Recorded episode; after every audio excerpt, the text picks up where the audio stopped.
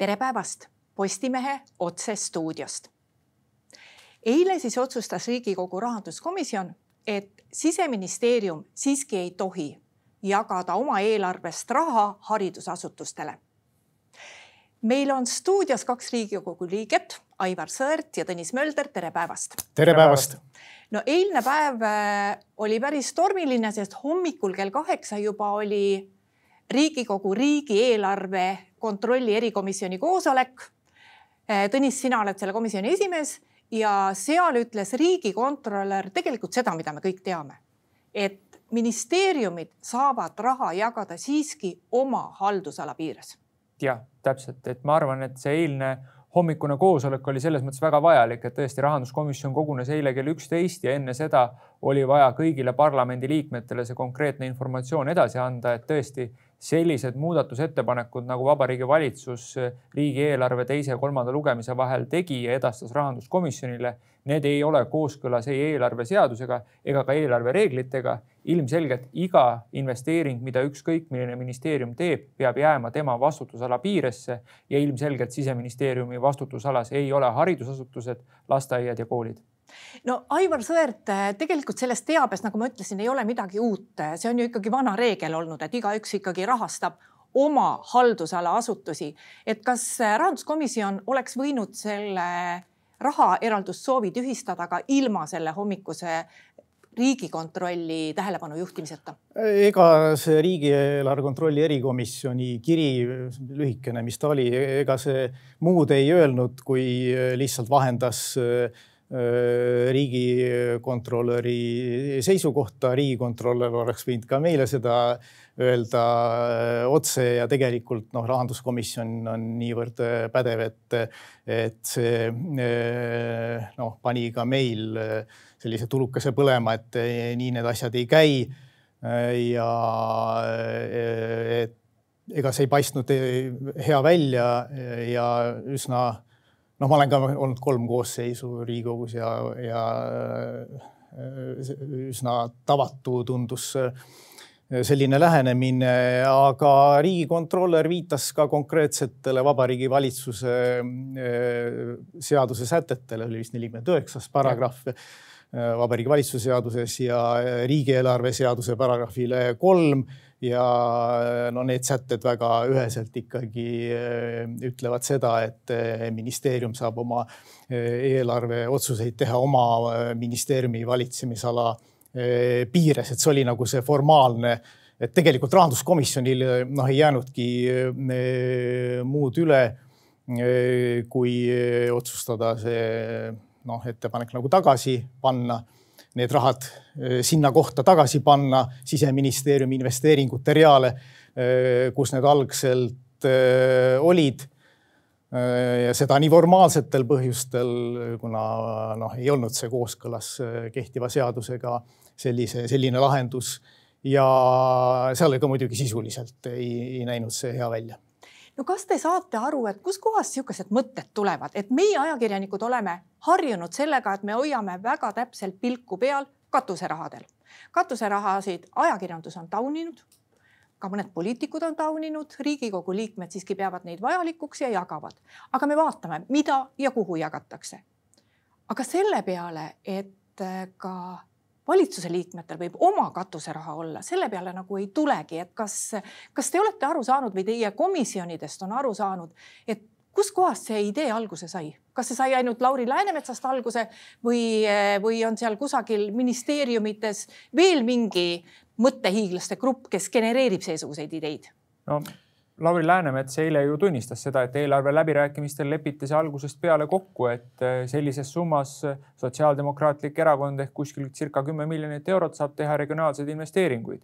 peamine koht, kus kokkulepet ei saavutatud, et millise valdkonna alla need investeeringud pannakse see, mis olid need poliitilised kokkulepped, et kas eh, valitsusjuhi erakond, Reformierakond andis Sotsiaaldemokraatlikule Erakonnale kümme miljonit eurot sellepärast, et nad toetaksid Keit Pentus-Rosimannuse kandidatuuri Euroopasse. See on üks äh, selline nii-öelda hüpotees, mis ringleb Riigikogus ringi, aga teine on ka kindlasti see, et üldse saavutada eelarves teatud kokkulepe. jah, ma arvan, et see ei ole selles mõttes midagi uudset, et regionaalseid investeeringuid on valitsused teinud ka enne, aga seda ei ole tehtud selles mõttes sellisel kujul, et, et üks ministeerium kes tegeleb konkreetse vastutusvaldkonnaga, läheb siis nii-öelda omavalitsusi rahaga üle külvama, mis sest, et see tegelikult ei kuulu tema vastutuse alla. ja teine asi, mis ma arvan, on väga selge probleem, mis sellest ka härra Läänemetsa nimekirjast välja tuleb, on see, et noh, ikkagi iga omavalitsus, kuhu see investeering oleks pidanud minema, oli ikkagi Sotsiaaldemokraatliku Erakonna poolt juhitud, ehk siis see oli selline valimiseelne raha külvamine oma inimestele Aivar Sõerd, te ei olnud küll, ei osalenud küll koalitsioonikõnelustel otse, aga te olete Reformierakonna liige ja olete olnud rahandusminister. kas eh, see, et kokkulepe tehti sellisel moel, et sotsid saavad oma raha ja võivad seda kulutada neile meeldivates omavalitsustes, kas te peate seda tõenäoliseks, kas te teate, kas? ei, mina ei oli? kinnita neid jutte, millest kolleeg siin praegu rääkis, aga mm, ega need regionaalsed investeeringud, no see on pikk, pikk tava tegelikult riigieelarves ja ja et, et ka noh, valitsuse, valitsusest tulnud eelarveridadel regionaalseid investeeringuid on, see pole ka nüüd esmakordne, see on ka varem olnud. noh, parem oleks, kui noh, siin noh, need kogu see, kogu see regionaalsete investeeringute noh, temaatika oleks noh, teistmoodi teistmoodi lahendatud mitte nii-öelda nende viimaste otsa prioriteetide näol, aga noh, ütleme, kui me vaatame ikkagi eelarvet noh, tervikuna, kuusteist koma seitse miljardit on kulude maht. me räägime siin paarikümne miljoni euro suurustest viimastest sellistest noh, ütleme ministri, ministrite eh, prioriteetidest eh, kuskile regionaalsetesse valdkondadesse, siis no see on ikkagi väga marginaalne osa eelarvest, et see tegelikult noh, mina näen hoopis probleemi, et eh, selles, et, et, et me keskendumegi sellele väikesele osale, sellele paarikümne miljoni suuruse regionaalsete investeeringute teemale. aga noh, eelarves on tegelikult Äh, palju suuremaid äh, valdkondi ja, ja äh, noh, ka Riigikogu noh, roll võiks olla natukene suurem, et praegu, kui me vaatame ka neid muudatusettepanekuid, mis Riigikogu valitsuse esitatud eelarvesse teeb, siis ega seal seal on needsamad regionaalsed investeeringud, Riigikogu regionaalsed investeeringud oli neli miljonit vist. siis nüüd tuli kolmteist miljonit tuli juurde peretoetuste seaduse muudatustega seoses, siis mereteede tasu paar miljonit ja siis Riigikogu rahanduskomisjon tegi otsuse, et suurendas ka Riigikogu Kantselei eelarvet natuke. see on nii väike osa, see ütleme, see Riigikogu sekkumise noh, ruum on, on, on, on, on väga-väga-väga ahtakene et äh, tegelikult äh, Riigikogu roll noh, võiks olla, olla suurem. aga noh, selline praktika on, on süvenenud ja siin on muidugi väga palju erinevaid põhjusi. no sellele on korduvalt tähelepanu juhitud, kaasa arvatud õiguskantsler, et selline tegevuspõhine riigieelarve et noh, see ei ole väga tõhus ja, ja see ongi see, mis Riigikogu rolli vähendab.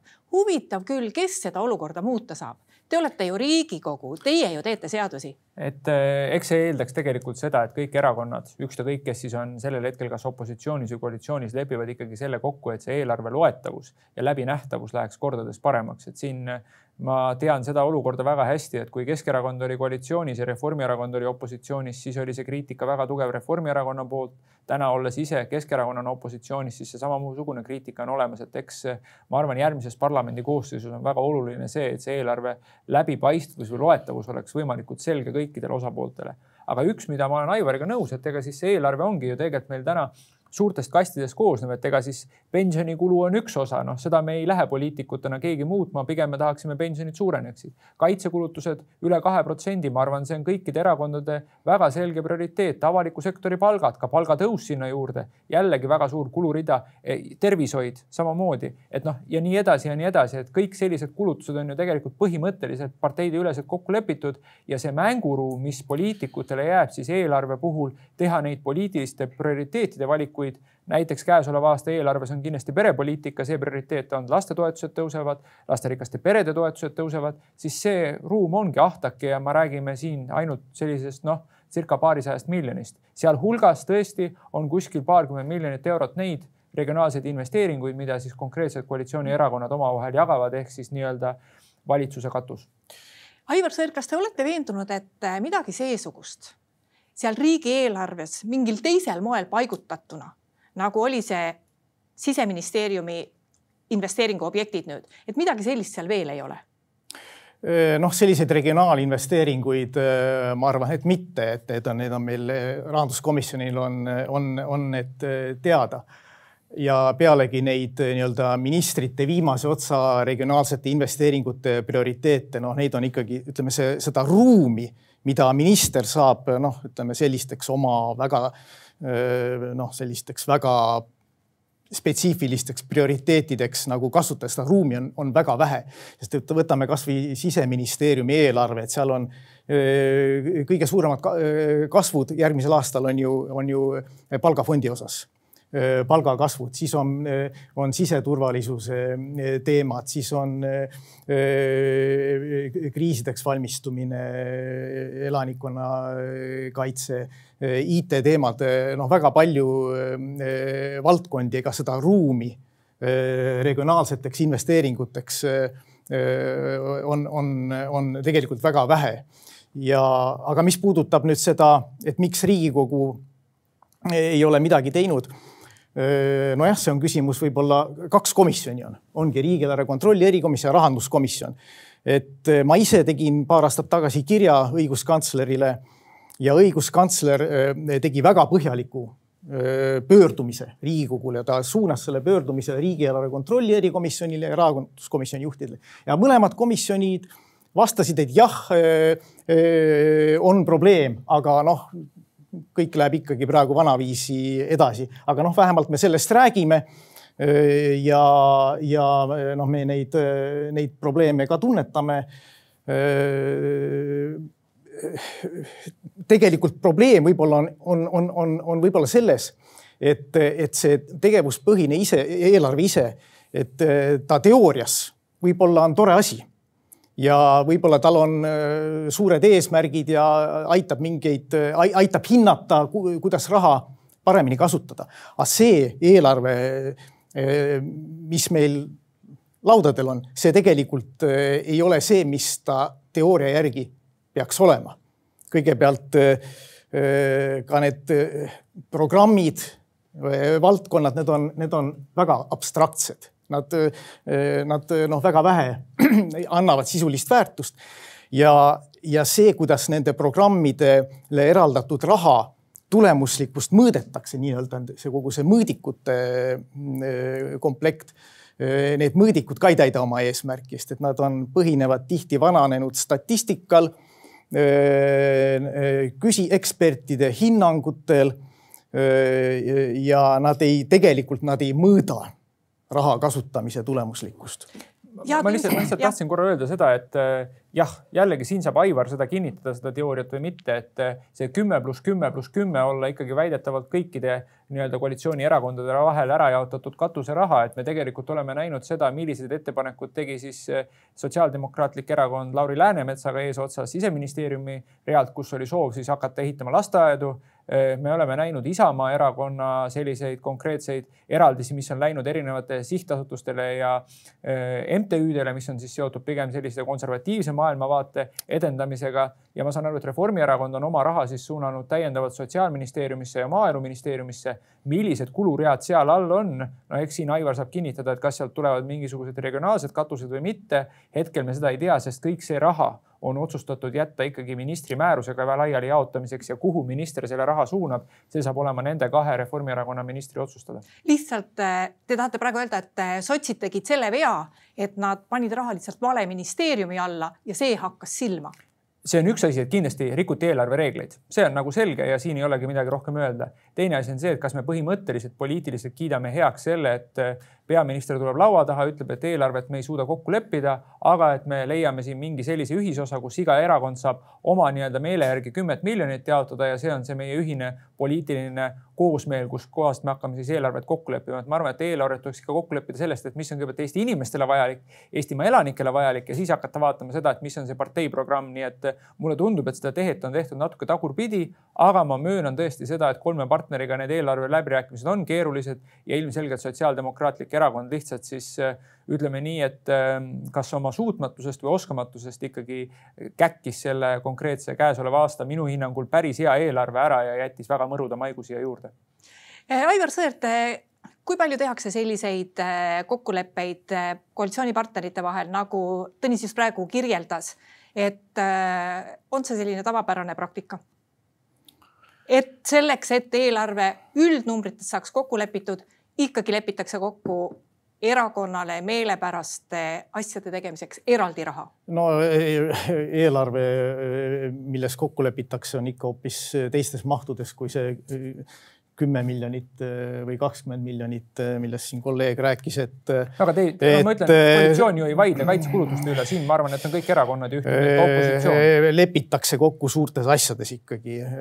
noh, selle, ütleme, see koalitsioon on kokku leppinud kaitsekulude Äh, kiirendatud äh, tempos tõstmises on kokku lepitud äh, noh, ka sotsiaalvaldkonna peretoetuste, hariduskulude noh, need on ikkagi noh, need noh, tõsise, tõsise kaaluga kokkulepped, et noh, me räägime noh, regionaalsetest investeeringutest, mis on väga marginaalne osa eelarvest, aga, aga suured teemad on hoopis kuskil mujal.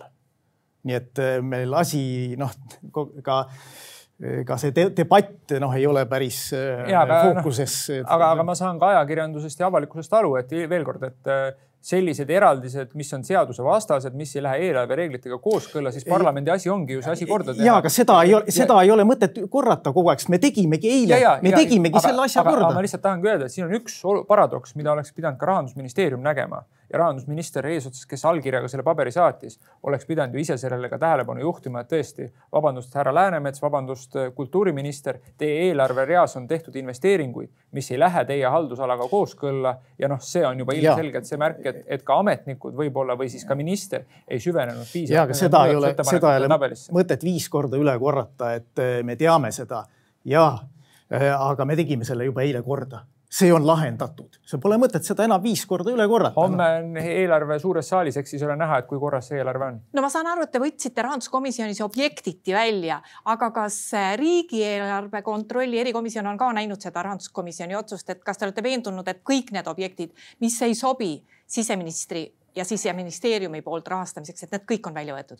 Selles mõttes me ei ole seda tervikteksti veel näinud, nii nagu ma ütlesin, see jõuab äh, parlamendi suurde saali homme. ma arvan, et see tekst saab kõigile parlamendiliikmetele avalikuks kas täna hilisõhtul või siis homme varahommikul. ehk siis saame sinna sisse vaadata. üks, mida vähemalt informatsioonivahetuses nii komisjoni esimehega kui ka liikmetega on olnud see, et meile tundub, et need probleemid, millele meie oma komisjonis viitasime või millele ka Riigikontroll viitas, need probleemid on saanud lahenduse. nüüd on küsimus see, et mis see otsus on järgmine, et see raha kümme miljonit jäeti siseministeeriumi investeeringuteks. Ja siin on väga oluline, et siseminister, kes täna on ametis, ilmselgelt peab selle investeeringu tegema ikkagi siseministeeriumi haldusalasse, on need politseijaoskonnad, depood päästjatele või näiteks ka idapiiri ehitamine, sinna on seda raha vaja, mitte siis koolidele lasteaedadele. Aivar, kas kõik said välja võetud? ja vot see, ma sain nüüd selle rahanduskomisjoni esimehe käest. see on nüüd see seletuskiri, mis läheb homme kolmanda lugemise eelarve kolmandale lugemisele juurde. siit on näha, et, et me oleme probleemi, selle probleemi ära lahendanud, seda pole mõtet siia kinni jääda ja tegelikult on kell viis on täna, kui rahanduskomisjon peab Riigikogu siis juhatusele oma dokumendid üle andma. Et aga proto see... protokolli mul hetkel kaasas ei ole, aga, aga seletuskiri on juba olemas ja sellest seletuskirjast äh, Aivar Kokk on siin alla kirjutanud, et selle järgi peab olema asi lahendatud aga tuleb tunnistada jah, et see eelarve menetlus siin äh, viimases faasis on kindlasti väga pingeline ja, ja eks see näitabki tegelikult kogu seda parlamendi tööd ka selles eelarve menetluses, et võib-olla nii-öelda inimestele vaadamine, vaatamine, et see eelarve menetlus kestab seal kuskil kaks pool kuud, aga tegelikult see on päris tempokas menetlemine, et kõik komisjonid peavad oma nii-öelda vastutusvaldkonna kulueelarve read üle vaatama, ministrid peavad oma otsuseid põhjendama, valitsus peab oma otsuseid põhjendama, nii et kindlasti see on selles mõttes parlamendi jaoks äh, hästi töine periood ja eks see nädal siis äh, suure tõenäosusega kolmapäeval saab eelarve vastu kinnitatud. kuulge, aga seletage nüüd ära, et äh, te olete korduvalt kinnitanud, et see raha jääb siseministeeriumile alles ta jääb nüüd ilma objektideta, ehk siis kes kontrollib seda, mis objekte pärast eelarve vastuvõtmist selle raha eest rahastatakse? Siin ei ole midagi äh, tava, tavatut, et niikuinii nagu see siseministeeriumi raha konkreetselt, vot siseministeeriumi eelarve koosneb programmidest, on kaks tulemusvaldkonda, siseturvalisus ja sidus ühiskond. et minister et, tahtis. ja siis on veel investeeringud eraldi reana. investeeri-, seal on suured investeeringud üle kümne miljoni või siis, mis need, mis tulevad läbi Riigi Kinnisvara Aktsiaseltsi. vot siit selle rea pealt, siin on muud investeeringud, neliteist koma seitse miljonit. vot selle rea pealt tahtis siseminister suunata raha mitte investeeringutena tegelikult, vaid investeerimistoetusena, mis riigieelarve mõttes kvalifitseeritakse kuluks, tahtis tõsta mõne teise ministeeriumi alla kultuuri- ja haridusministeeriumi all ja ka enda valdkonna, enda valdkonnas programmi kogukondliku arengu toetamine alla. aga noh, siin oli tegelikult selles, selles muudatusettepanekus oli tegelikult kaks probleemi. üks probleem oli see, et see polnud kooskõlas Vabariigi Valitsuse eelarveseadusega, et teise valdkonda ei saa suunata. aga seal oli teine probleem veel et see oli, see muudatusettepanek äh, oli tegevuspõhises mõttes vormistamata, polnud näidatud, millise no, programmi mõtlen, alla see raha läheb. veel kord, siin oleks pidanud ka rahandusministeeriumi, rahandusministeeriumi ametnikud sekkuma, ütlema, et noh, selline dokument ei, ei sobi. kas seal on kaks võimalust, kas äh, siseminister noh, ei, ei olnudki kursis tegevuspõhise selle eelarve põhimõtetega. Või siis, või siis äh, lihtsalt äh, äh, noh, teda ei huvitanud see, et meil on tegevuspõhine eelarve, on vaja näidata ka, mis programmi alla see kulu läheb. Vaid noh, tegelikult noh, ütleme suure probleem ongi selles, et tegelik elu ministeeriumite otsuste tegemine tegelikult käibki endiselt kulu ja ressursipõhilise noh, mõtlemise ja loogika järgi, ehk siis noh, nagu oli see varem kulupõhine eelarve. seda riigikontrolör on öelnud, et, et noh, tegelik elu käib kulu eelarve põhimõtete järgi ja siis pannakse ta sellesse tegevuspõhisesse vormi. vot see tegevuspõhine vorm, see oli ka siseministril ära ununenud, et see oli nagu teine probleem, miks formaalsetel, formaalsetel põhjustel see ettepanek ei saanud rahanduskomisjonis läbi minna. ma lihtsalt tahtsin veel lisada seda, et kindlasti kui siseminister hakkab nüüd seda oma määrusega neid investeeringuid laiali jagama, siis ma arvan, nii parlament kui ka kogu avalikkus tegelikult väga teraselt jälgib seda, et kõik see rahajaotus oleks ikkagi väga sihipärane, oleks eelarvereeglitega kooskõlas ja ei läheks tema vastutusvaldkonna alt välja. et ma veel kord ütlen, ma arvan, et Eestis on depoosid, politseijaoskondasid, ma ei tea, kasvõi piirikordoneid, mida on vaja korrastada ja mis ootavad investeeringuid, nii et ma arvan, et oma valitsemisalas on tegelikult siseministeeriumil rahavajadus vägagi suur, et ilma asjata ta ei oleks läinud küsima Vabariigi Valitsuse reservist näiteks nelja miljonit eurot selleks, et oma IT-arendusi lõpule viia, samal ajal jaotades siis oma eelarvest ühe käega nii-öelda raha enda erakonnakaaslastele, et siin on see selles mõttes see paradoks sisse pandud ja seda kindlasti avalikkus jälgib ja, ja vaatab seda, et see oleks kooskõlas eelarvereeglitega. nii nagu te, teie oma eilses otsuses kirjutasite, et see peab olema kõik seadusega kooskõlas, nii ka rahanduskomisjoni, kui me eile, seda me hääletasime, ega see ei olnud päris konsensuslik, seal oli äh, vastuhääl ka. Ivari Padar no,. Äh, aga, aga otsuses äh, me rõhutasime, see läheb ka protokolli kirja, et see raha, mis jääb nüüd siseministeeriumi investeeringute reale, et selle kasutamine toimub kooskõlas siis eelarveseaduse ja Vabariigi Valitsuse seadusega. kuidas te prognoosite, kuidas homme eelarve kolmas lugemine läheb, võetakse vastu, kuidas Keskerakond hääletab? Me kindlasti kõigepealt tahaks tutvuda nüüd selle rahanduskomisjoni otsusega, mis siis äh, kõigile Riigikogu liikmetele osaks saab, aga nii nagu ma ütlen, Keskerakonna fraktsioon koguneb homme hommikul seda teemat arutama. me oleme öelnud, et selles eelarves on väga palju positiivseid külgi.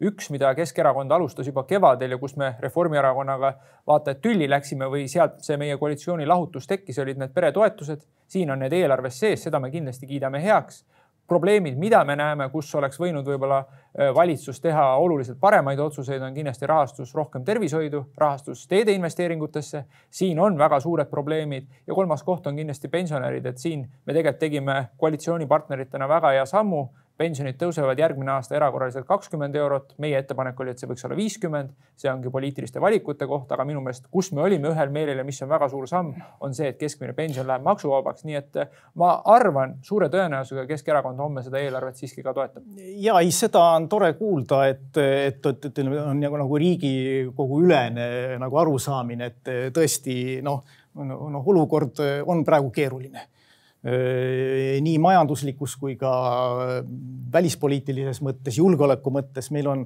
meil on julgeolekuprobleemid äh, väga tõsised, meil on ikkagi väga tõsine äh, investeeringute mahu suurenemine kaitsevaldkonda, kaitsekulud, kaitsekulusid peame suurendama siis noh, kogu kriisideks valmistumise inimeste noh, see kindlustunde ja majandusliku kindlustunde eh, teema haridusvaldkond ja muidugi noh, sotsiaalvaldkond, aga no muidugi kõige selle juures peame me arvestama, et, et meil kulud kasvavad kiiresti. Äh, meil on, e-, meil on nominaalne defitsiit on äh, üle Maastrichti kriteeriumiga ette nähtud äh, kolme protsendi piiri.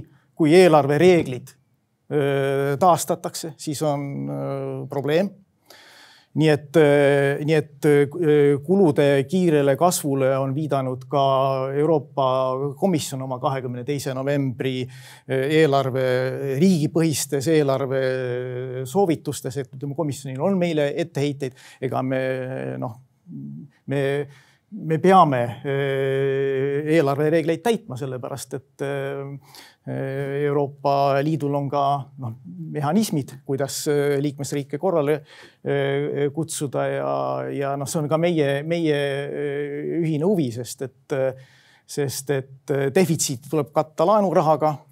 laenuraha läheb kallimaks see ajastu, kui riigid said raha odavalt laenata, see ajastu on möödas laenu eest tuleb maksta väga kõrget intressi, järgmise aasta intressikulu eelarves on juba läheb saja miljoni euro kanti ja hakkab kasvama.